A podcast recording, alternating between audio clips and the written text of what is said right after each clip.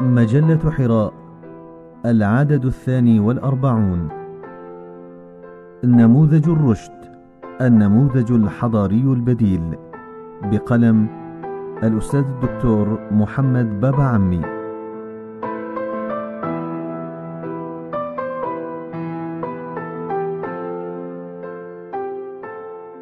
التشميس مصطلح فيزيائي له تطبيقات عديدة في حقول الطب والزراعة والصناعة وغيرها، وهو يعني تعريض مادة ما إلى كمية من أشعة الشمس أو الأشعة المعدة مخبريا محضرة بعناية ومكثفة بدقة وموجهة توجيها محسوبا. وفي مجال الطباعة يستخدم هذا المبدأ لحفر الحروف من الأفلام الشفافة على سطح صفائح الزنك. وفي مجال الحضارة وحركية التاريخ تتعرض النماذج أي الأفكار والحركات والمشاريع للتشميس في ظروف خاصة قاهرة أي في حين تعرضها لأزمات وحينها فقط تظهر المناطق الحساسة والأسئلة القلقة والإشكالات التي لم يوجد لها حل معقول والحاجات التي عجز النموذج عن إيجاد جواب علمي عملي لها.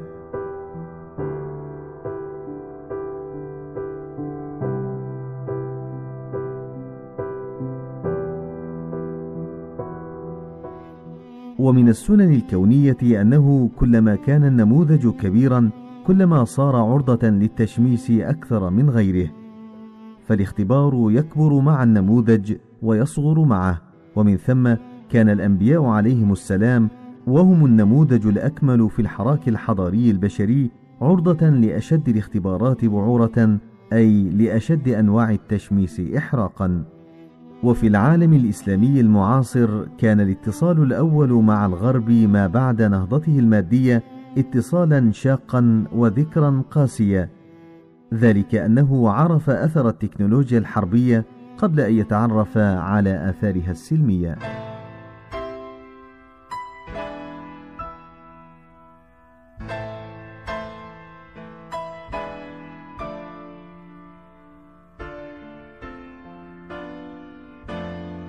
ففي مدينة نزوى بسلطنة عمان مثلا يمكن أن نزور قرية صغيرة محاطة بسور حجري دمرها الإنجليز بالطائرات الحربية وقنابل النابالم حتى يقضي على الإمامة هناك منتصرا لنوع من الولاء السلطاني له. ومن ثم عرف الإنسان داخل هذه القرية صوت الطائرات وهي تحمل الموت ولم يرى يوما طائرة تحمل السلام أو تحمله بسلام وكذلك الحال في سائر البلاد الإسلامية.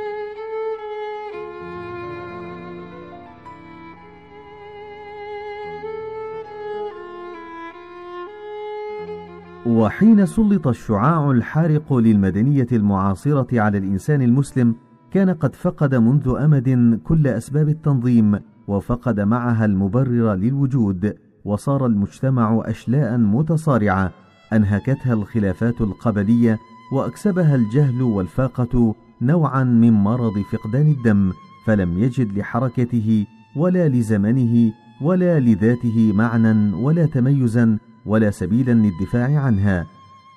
وأحسن توصيف لهذه الصعقة خلال حملات نابليون إلى مصر ما دونه عبد الرحمن الجبرتي المؤرخ في كتابه عجائب الآثار في التراجم والأخبار.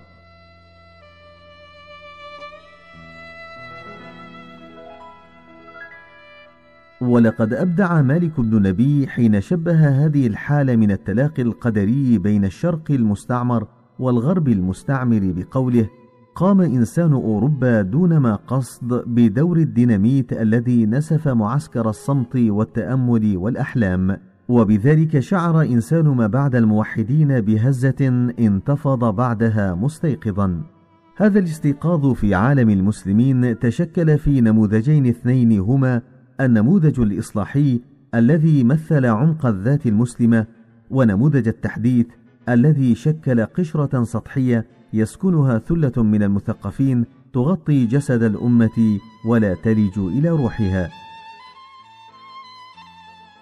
والذي يعنينا في نموذج الرشد هو النموذج الإصلاحي العميق لا النموذج الحداثي الرقيق ذلك أن الشيخين جمال الدين الأفغاني وبعده الشيخ محمد عبده قد أعاد للمسلم بوصلته واتبعت الحركة الإصلاحية في كامل العالم الإسلامي هذا الصوت الصادق المبحوح في آن واحد. ثم تأسست في الجزائر مثلا جمعية العلماء المسلمين الجزائريين برئاسة ابن باديس وثلة ممن معه من العلماء المجاهدين، وكذلك الحال في سائر البلاد العربية بالخصوص.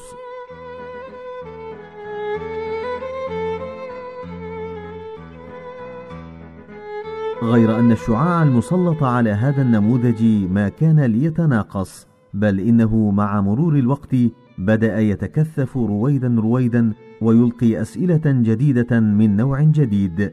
استطاع أمثال الإمام حسن البنا وبديع الزمان النرسي أن يجيبوا على بعضها بأصالة وفاعلية وبقي بعضها الآخر مرهونا على أجوبة أصيلة لكنها لم ترق إلى الفاعلية المرجوة حسب السياق والمرحلة ونوع ثالث من الأسئلة للأسف لم يجد الجواب الكافي أصالة ولا الشافي فعالية من مثل أزمة الحكم والاقتصاد والإعلام والمرأة والاستراتيجيات ولعل بعضها لا يزال ينتظر في الطابور إلى حين. ومن بين الملاحظات التي تسجل على هذا النموذج أعني النموذج الإصلاحي ما ذكره بعض النقاد من مثل الذرية والحروفية وأزمة التعليم والانفصام بين النظر والتطبيق والتشرذم وضعف آلة النقد والتصفية الذاتية وغياب التخطيط العلمي المحكم.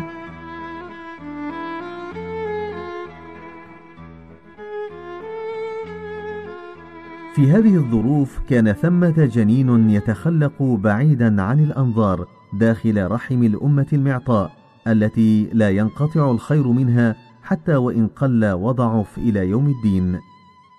ولا ريب أن أعضاء وأجزاء هذا الجنين لم يكن بينها بالضرورة اتصال وتواصل مباشر غير أن صفات المتحد العلمي الحضاري ومواصفات الجماعة العلمية الفكرية بخاصة صفة سؤال الأزمة المشترك كل هذا كان الرابط الأساس بين هؤلاء الذين مثلوا بذرة نموذج حضاري بديل بوعي من المؤرخين والدارسين أو بغير وعي منهم.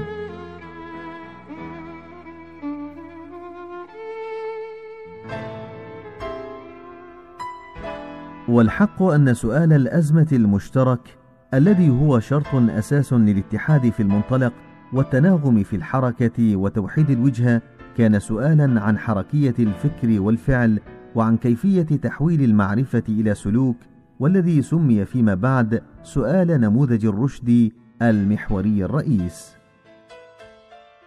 يؤكد طه عبد الرحمن هذا المنحى في كتابه العمل الديني وتجديد العقل بتسجيله لهذه الملاحظة الدقيقة فيقول من شروط كمال العقل ألا ينفك العلم عن العمل في الممارسة العقلية فلا نكاد نجد عالما اشتهر في الناس الأخذ عنه إلا وقف عند هذه الرابطة بين العلم والعمل معبرا عنها بهذه الصيغة أو تلك. حتى يتبين حقيقة ما ذكر سنعرض أبرز أعضاء الجماعة العلمية المرجعية التي اعتبرها نموذج الرشد هي الشعلة الأولى والقطرة الأولى والنسمة الأولى لهذا النموذج الحضاري البديل.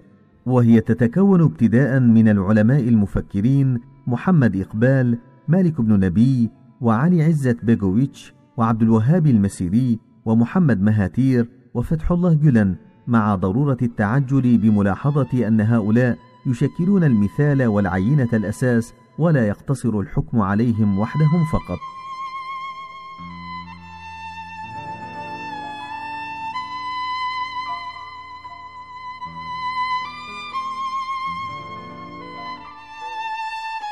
محمد إقبال ومبدأ الحركة.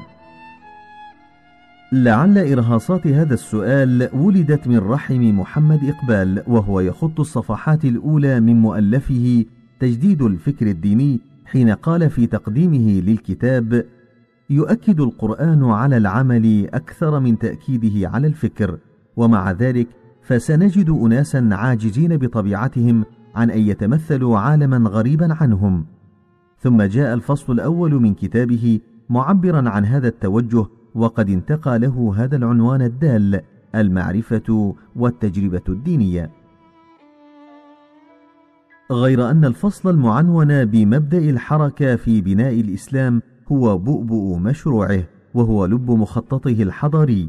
وقد قرر من خلاله أن الإسلام كحركة ثقافية يرفض النظرة الاستاتيكية القديمة للكون ويبني نظرة ديناميكية يتسم فيها الكون بالحركة والتغير. ثم يسأل على إثر جدلية الثابت والمتغير التي كانت السبب في مصادمة أوروبا لروح الإنسان ولروح الثقافة باعتبارها التغير هو السمة لكل شيء بينما تسبب هذا السؤال في جمود العالم الإسلامي وركوده وهو الذي راح يثبت كل ما من شأنه التغير ويقدس كل ما من شأنه التجربة والواقع راح إقبال يسأل بحق ما هو مبدأ الحركة في الإسلام ثم يجيب باختصار ووضوح إنه ما يعرف باسم الاجتهاد.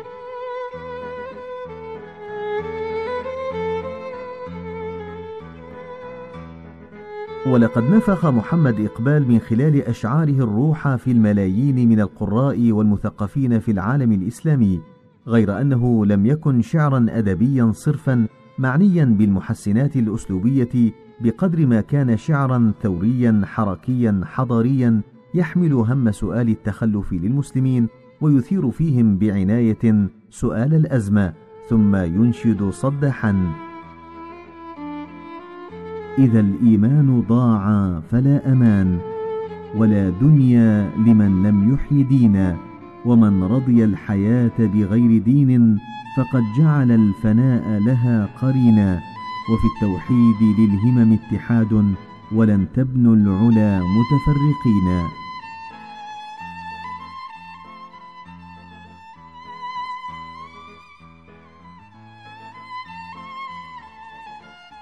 مالك بن نبي علم لم يولد بعد. من خلال معادلة الحضارة يصوغ مالك بن نبي معيارا يجعل الوقت عنصرا أساسا وليس تابعا فالحضارة عنده تساوي الإنسان والوقت والتراب ثم يشرح عنصر الوقت بمقاربات عديدة منها التوجيه العملي والفعالية وتوجيه العمل. ففي مستوى الفعالية يرسو ابن نبي على قمة نموذج الرشد وبالتالي تتحول العلاقة بين الفكر والفعل عنده إلى صبغة لازمة لكل فكر ومشروع في جميع كتاباته ومحاضراته. فهو يقول مثلا عن عقيدة إنها تجردت من فاعليتها لأنها فقدت إشعاعها الاجتماعي فأصبحت جاذبية فردية، ثم ينتهي إلى النتيجة الآتية: وعليه فليست المشكلة أن نعلم المسلم عقيدة هو يملكها وإنما المهم أن نرد إلى هذه العقيدة فاعليتها وقوتها الإيجابية وتأثيرها الاجتماعي. وفي كلمة واحدة إن مشكلتنا ليست في أن نبرهن للمسلم على وجود الله بقدر ما هي في أن نشعره بوجوده ونملأ به نفسه باعتباره مصدرا للطاقة.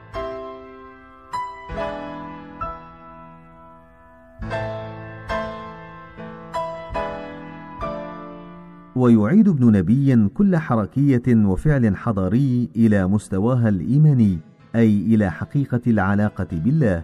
ومن ثم فهو ينبهنا إلى أن هذه المهمة أي مهمة تغيير النفس وإقدارها على أن تتجاوز وضعها المألوف هي من شأن علم لم يوضع له اسم بعد ثم يقترح له اسما ويقول يمكن أن نسميه علم تجديد الصلة بالله.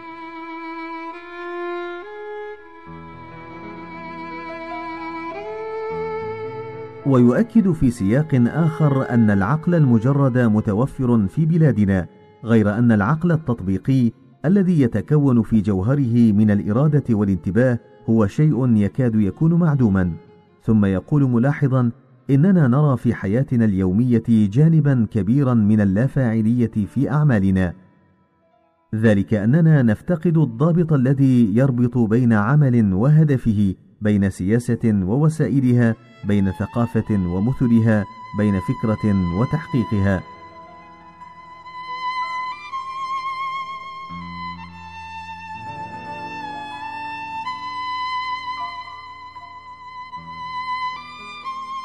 وعن القرآن الكريم وعلاقتنا به ينبه ابن نبي أنه قد يقال إن المجتمع الإسلامي يعيش طبقا لمبادئ القرآن ومع ذلك فمن الصواب أن نقول إنه يتكلم تبعا لمبادئ القرآن.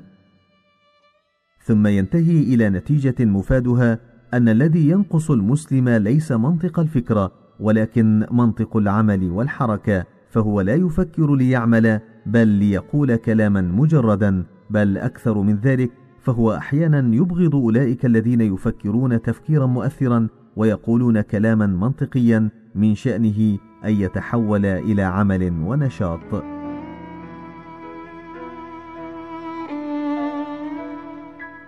بمثل هذا الطرح الديناميكي الحضاري تبوأ مالك بن نبي موقع الصدارة في المتحد العلمي المؤسس لنموذج الرشد حتى وإن كان في مستوى الثمار المباشرة على الواقع غير محظوظ شأن علي عزت بيغويتش وفتح الله جلم مثلا. والحق أن الظروف والمرحلة والنسيج الحضاري والوعاء الحضاري كل ذلك وقف حائلا أمامه وأفقده التمثل الواقعي المباشر غير أن الملايين من القراء من مختلف بلاد العالم يتنفسون أفكاره ويفاعلون مناهجه بصورة أو بأخرى لعل أبرزهم محمد مهاتير الذي ذكر أنه تأثر من فكر ابن نبي وفعله في مشروعه النهضوي.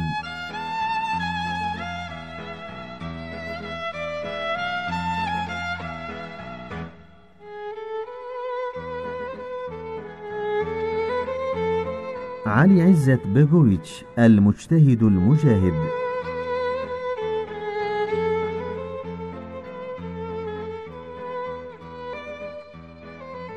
حياة علي عزت بيغويتش تتمحور حول سؤال الأزمة وتجيب بفعالية على إمكانية الجمع بين العلم والعمل.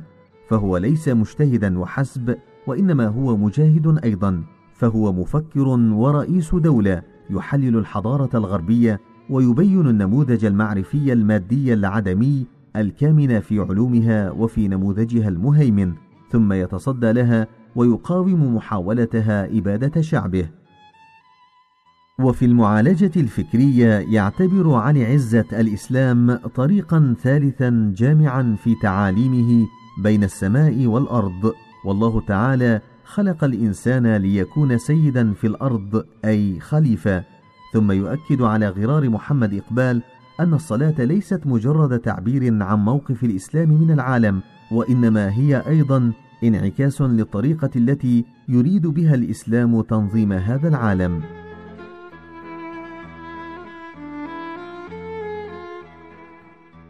ثم يعرف الإسلام في ذات السياق المرجعي أنه دعوة لحياة مادية وروحية معا حياة تشمل العالمين الجواني والبراني جميعا أو كما يقرر القرآن الكريم وابتغ فيما آتاك الله الدار الآخرة ولا تنس نصيبك من الدنيا.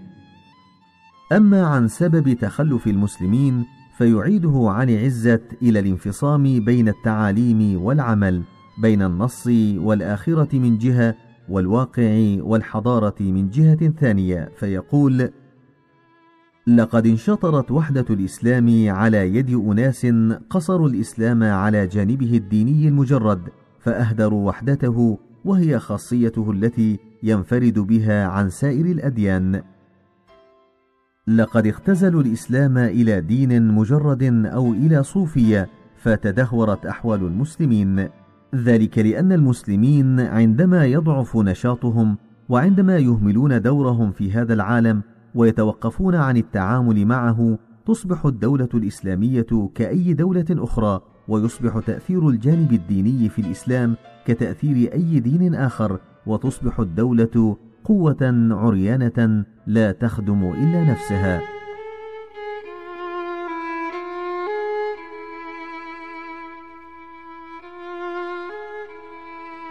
نعم يواصل عن عزت في قوله حين يبدأ الدين الخامل يجر المجتمع نحو السلبية والتخلف يشكل الملوك والأمراء وفرق الدراويش والصوفية يشكلون جميعا الوجه الخارجي للانشطار الداخلي. إن هذا النمط المنحرف المنشطر يمكن أن نطلق عليه اسم نصرنة الإسلام.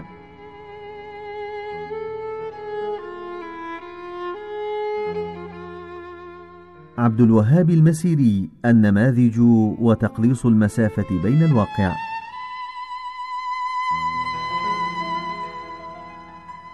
يقف عبد الوهاب المسيري مفكرا شامخا فريدا وهو يحلل ظاهرة اليهودية والصهيونية باعتماده النماذج الإدراكية أداة تحليل وآلة كشف عن الخفايا وبالتالي فهو يضع الإصبع على محل الداء.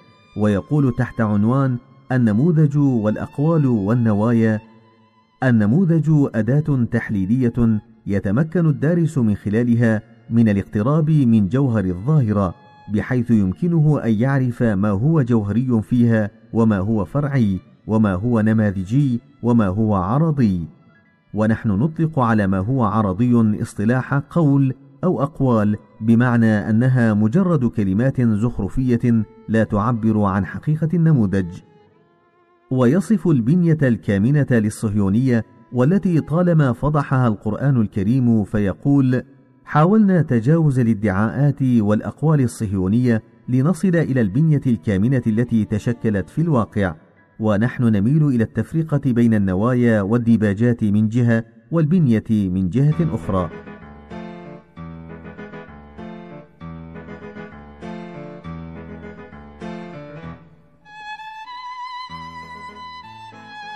مصطلح الديباجة مفتاحي في فكر المسيري وهو يعرفه لغة ثم يؤسس عليه حكمه فيقول تفترض الكلمة ديباجة وجود مسافة بين الشكل والمضمون وبين الظاهر والباطن وبين الواقع والاعتذاريات ولكنها لا تستبعد في الوقت نفسه إمكانية التوافق التام والامتزاج ومن ثم فهي كلمة يمكن أن نصفها بأنها مركبة. ثم يلاحظ على المصطلحات والمفاهيم أنها كثيرا ما تكون مجرد ديباجة فكرية لغوية تخفي وراءها مدلولات كامنة غير ظاهرة ومثال ذلك الثلاثي الديني كاثوليك بروتستانت أرثوذكس يقابله تقسيم ثلاثي عرقي لاتين أنجلو ساكسون سلاف. وهذا يدل على أن الدين إن هو إلا ديباجة وقشرة رقيقة تغطي المصالح الاقتصادية والرؤى العرقية ثم يؤكد هذا التطبيق بالقول سنتناول اليهودية الليبرالية واليهودية التجديدية باعتبارهما حركتين تدعيان أنهما دينيتان ولكنهما في واقع الأمر علمانيتان بشكل واضح. فالديباجة الدينية شاحبة وفكرة الإله تتأرجح بين مرحلة شحوب الإله وموته الكلي بل اختفاء ظلاله الباقية في مرحلة ما بعد الحداثة. فكلاهما مرجعيته النهائية هي الدنيا أو التاريخ أو الطبيعة ولذا فهما يحاولان تكييف العقيدة لتتفق مع الدنيا.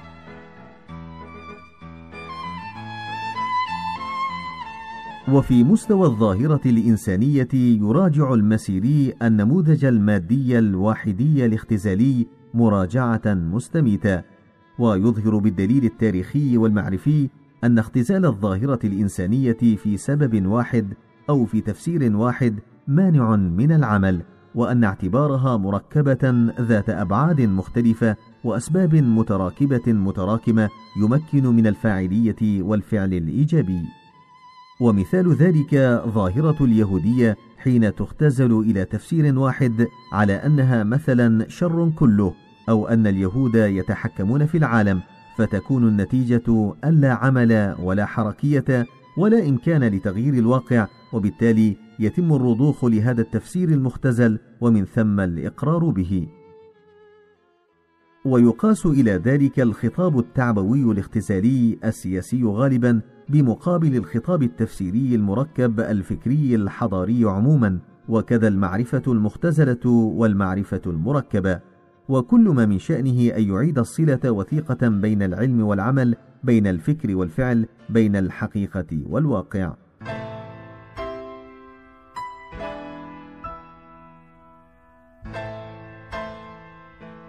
محمد مهاتير نحو حراك حضاري أسيوي. في موسوعة رئيس ماليزيا السابق محمد مهاتير وفي مؤلفاته الأخرى بخاصه صوت آسيا نقرأ الكثير حول أزمة المسلمين ولعل الجدل الذي يعني افتقاد القدرة على الفعل المؤسس على القول أو الكلام لأجل الكلام لا غير هو الإشكال الأول الذي عانى منه مهاتير واستنكره في شعب الملايو بخاصة وفي الشعوب الإسلامية الأخرى. في كل مرة تناقش فكرة تستخدم الطاقات والأفكار لا من أجل تطبيقها وإنما لإخضاعها لنقاش ممتد ومناظرة طويلة. ثم يدعو مهاتير إلى كسر الانفصام بين الواقع والنص ويقول: عندما يتصارع الواقع والمنطق والعقيدة نتيجة هذه الحيرة سيكون اختيارا ليس فقط غير حكيم بل ربما كان ضارا بالفرد وبالمجتمع وبالتالي فإن الإسلام لا يعرف مثل هذا الصراع الموهوم فهو دين غير عادي وإنه منهج متكامل للحياة. ولقد كان واقعيا بحق حين عرض هذا المثال. إذا كنا نريد أن نحافظ على الإسلام وعلى الروحانية فلا بد أن يقوي الواقع درجة الإيمان. عندما يعاني شخص ما ويكون مجبرا على أن ينسى احترامه لذاته يصبح من الصعب عليه أن يصدق أنه يعيش حياة سعيدة بالفعل أو أنه أسعد حالا من جاره الذي يعيش في رغد بالرغم من عدم وجود إيمان ديني لديه. بالنسبة له يكون الواقع متناقضا مع الإيمان ولن يقبل عقله أي زعم واضح بأنه حقيقي.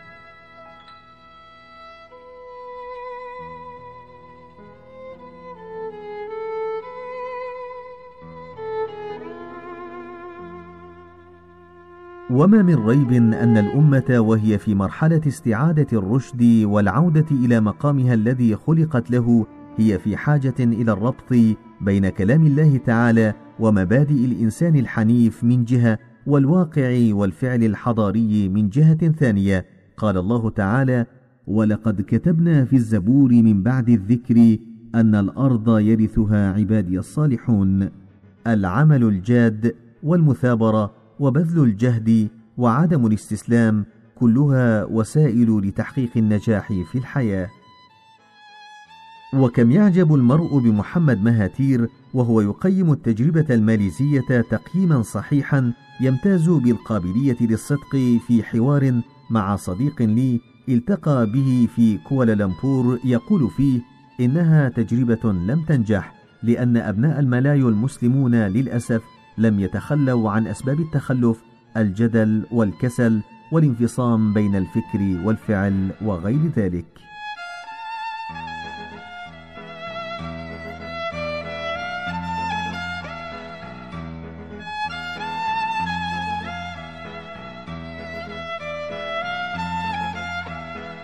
فتح الله جولان ورثة الأرض.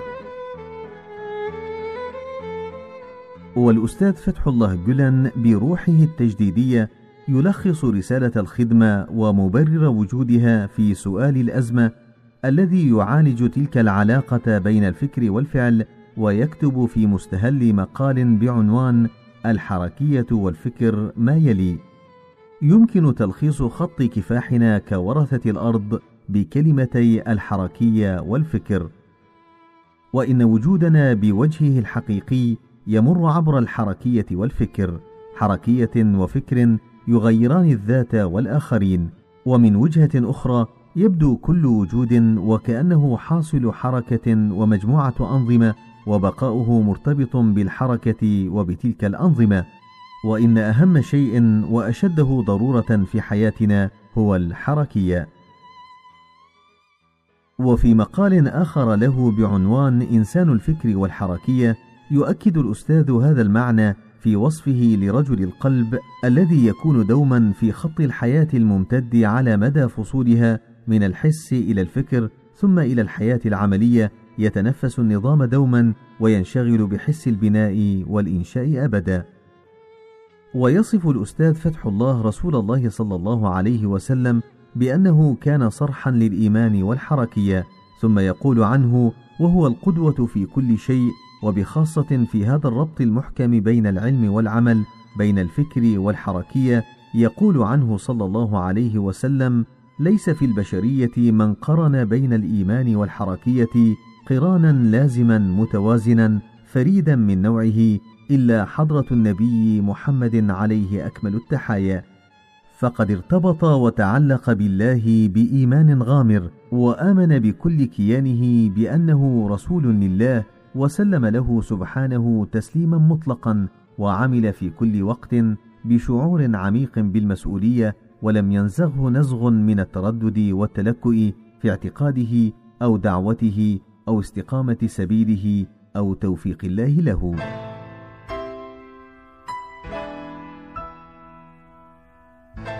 والحق أننا لو تتبعنا سيرة الأستاذ فتح الله ولو قرأنا واقع الخدمة عبر العالم لما جاز لنا إلا أن نقرر أن البارادايم جولان حلقة بارزة ومتقدمة ضمن البارادايم الحضاري البديل أعني نموذج الرشد.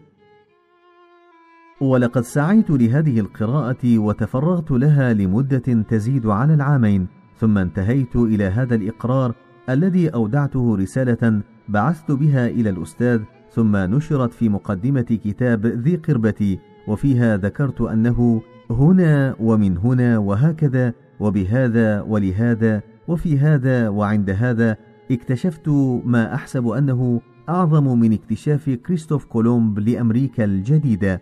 اكتشفت البارادايم جولان أي الجواب على سؤال الانفصام بين الفكر والفعل في واقع الأمة اليوم. ولم يكن الجواب نظريا تنظيريا وما ينبغي له أن يكون كذلك لم يكن عمليا صرفا وميدانيا خالصا ولا يليق به أن يكون وإنما كان خيطا من ذهب يصل الفكر بالفعل ويربط العلم بالعمل فالتقى السالب الإيماني الخلقي بالموجب الجهادي الحركي فسطع على الكون ضوء الإيمان وغمر الوجود ضياء القرآن.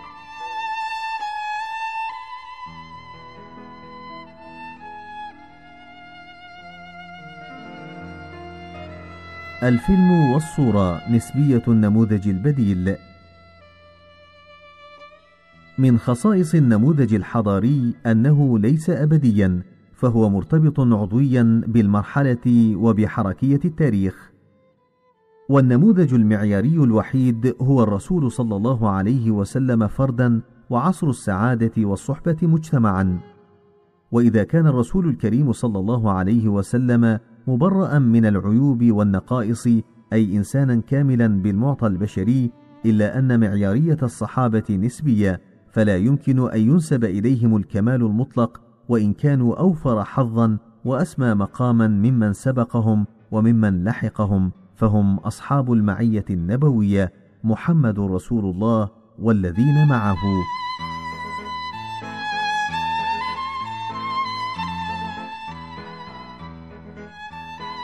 وعصر السعادة هو أكمل نموذج وأمثل معيار حضاري بشري بكل الخصائص والمعالم.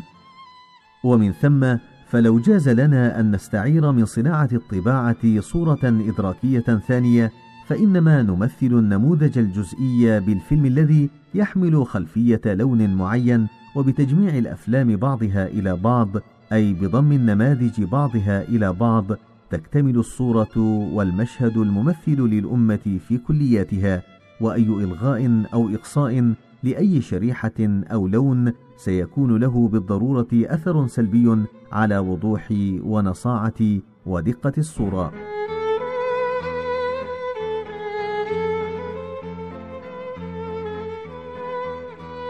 إلا أن ثمة ألوانا غالبة صابغة وأخرى مهيمن عليها تابعة حسب فعالية النموذج وقدرته على استيعاب أسئلة الأزمة الخاصة بتلك المرحلة ولا اعتبار للكم والعدد والرقم والحجم بل العبرة في النوع والصلاح والصدقية والأثر الإيجابي.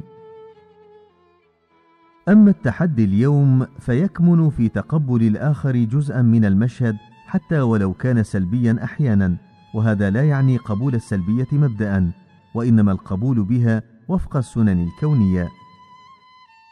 ولعل هذا يفسر تطمين الله تعالى لرسوله الكريم وحمله على قبول أن الهداية لا ولن تعم الناس جميعا وما أكثر الناس ولو حرصت بمؤمنين ولننتبه إلى الجملة الاعتراضية الاستباقيه الدالة على علم الله تعالى بخفايا قلب نبيه الحبيب ولو حرصت. وعادة الأسلوب البشري أن يقال وما أكثر الناس بمؤمنين ولو حرصت. لكن في مستوى التقبل يكون الفرق بينا. فهل آن الأوان لنموذج الرشد باعتباره نموذجا حضاريا بديلا أن يسجل بصمته في جميع مناحي الحياة وأن يبلغ أثره إلى جميع الجيوب الجغرافية للمسلمين ابتداء وللبشرية قاطبة؟ هذا هو المأمول وهذا ما تشير إليه صراحة الآيات الكريمات للعالمين كافة للناس مهيمنا عليه يا معشر الجن والإنس وغيرها والظل العملي الحضاري الواقعي لهذه الآيات لا ولن يتحقق إلا بتحويل هذا المعنى إلى حركية دائمة وإلى برامج شاملة ولن يتأتى هذا بالضرورة إلا بين يدي متحد معرفي حضاري عامل حسب السياقات لإحلال الإسلام معطى كونيا مفتوحا لا مجرد شعائر مجتمعية مغلقة.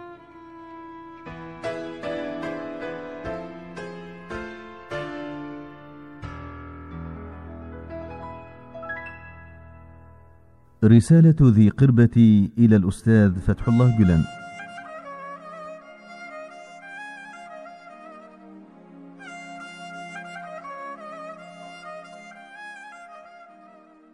الصلاة والسلام على شجرة الوجود والعلة الغائية لكتاب الكائنات وأقوى صوت للدعوة إلى الحق سبحانه.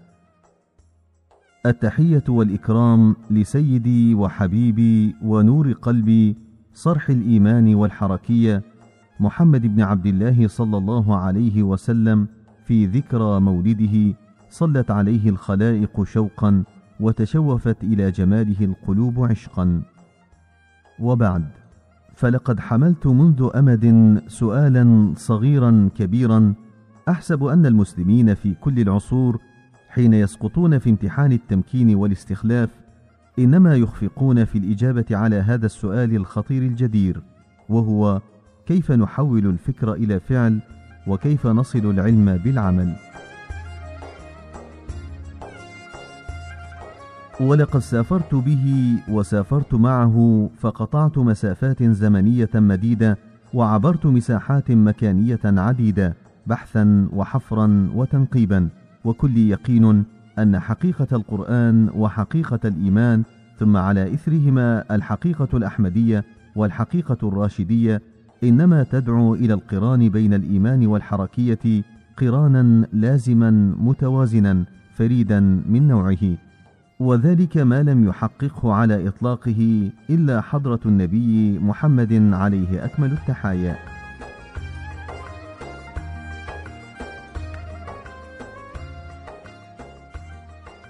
ولقد قلت في نفسي ولنفسي يومها لو ألفيت مفكرا أو مجددا أو مشروعا أو حركة استطاع أن يصل ما أمر الله به أن يوصل فلم يقطع أرحام الإيمان والفكر والحركية ولم يبدد في تصوراته وتصرفاته جمال شمولية النور السرمدي وجلاله ولم يظلم كماله البديع واكتماله. قلت لو اهتديت إلى ذلكم المرتقى الراقي وإلى ذلكم الركن الركين فسأعقد النية بحول الله أن أتخذه إماما وأسوة وقدوة ولا أبالي.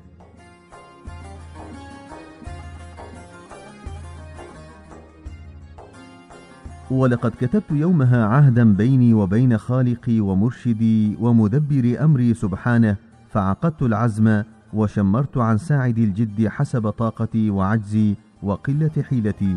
ثم انطلقت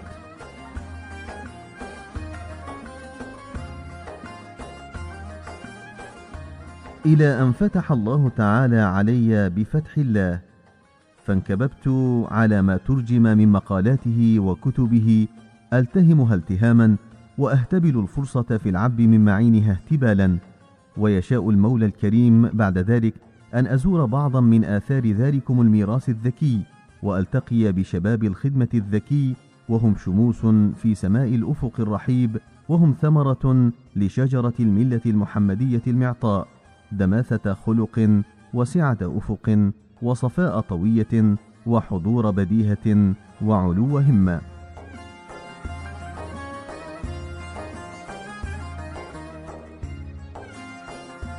هنا ومن هنا وهكذا وبهذا ولهذا وفي هذا وعند هذا. اكتشفت ما أحسب أنه أعظم من اكتشاف كريستوف كولومب لأمريكا الجديدة.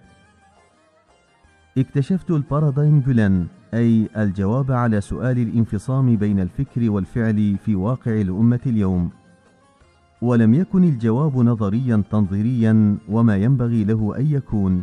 كذلك لم يكن عمليا صرفا وميدانيا خالصا ولا يليق به أن يكون وإنما كان خيطا من ذهب يصل الفكر بالفعل ويربط العلم بالعمل. فالتقى السالب الإيماني الخلقي بالموجب الجهادي الحركي فسطع على الكون ضوء الإيمان وغمر الوجود ضياء القرآن.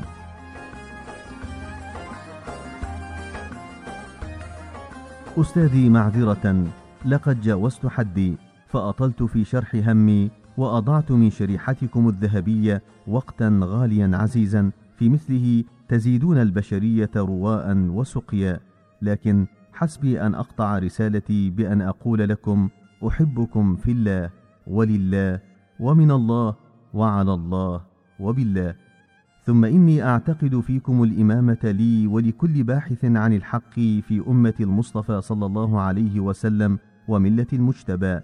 دع عنك الفروق الوهمية التي لا نملك اختيارا فيها من جغرافية وعرقية واعتبارية بل وحتى مذهبية حين يتحول المذهب خطأ وانحرافا وسقما في الفهوم إلى جزيرة نائية وسجن مميت.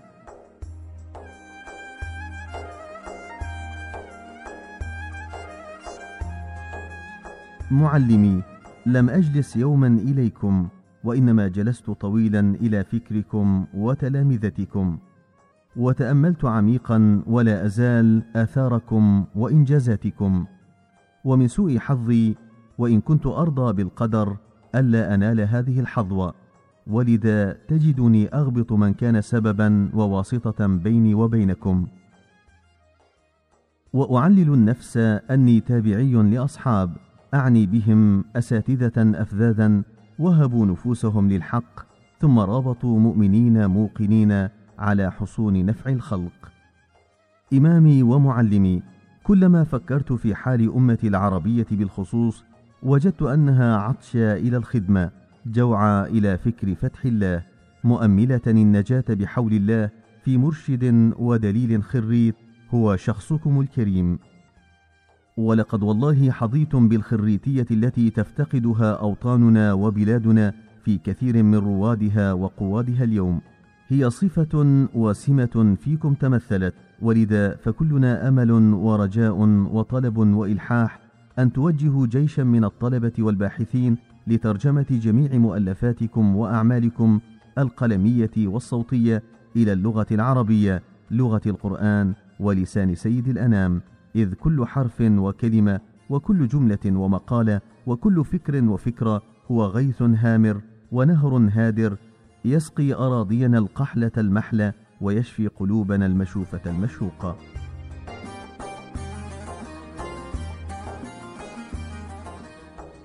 مرة أخرى أستحي وأنا العيي في مخاطبتكم وحسبي أن أقول وقد جاءكم أهل الخدمة بدلائهم بل وأنهرهم ووديانهم وبحورهم وجئتكم آنا بقربة لعلها جفت منذ أمد. جئتكم باحثا عن الحقيقة عاشقا مصادرها ومواردها. لأنشد مع المنشد مخاطبا أحبتي في الأكاديمية وقد قبلوني بأمر منكم وفضل تلميذا في صفهم وطالبا مبتدئا في صرحهم. اهمس في أذن كل واحد منهم صادحا مغردا ذي قربتي يا أخي في الحب أرسلها إلى الحبيب فهل يرضيه متسم؟ أرجو أن تصلك تحيتي يا حبيب وآمل أن يصلك معها سلامي يا طبيب من ابنك ومحبك والحامد الله أن هداه إلى اكتشاف رحابك وسفوح ربيعك. والمردد مع أرباب المعنى مقولتهم البديعة أجل السلطنة تليق بالسلاطين والتسول يليق بالمتسولين.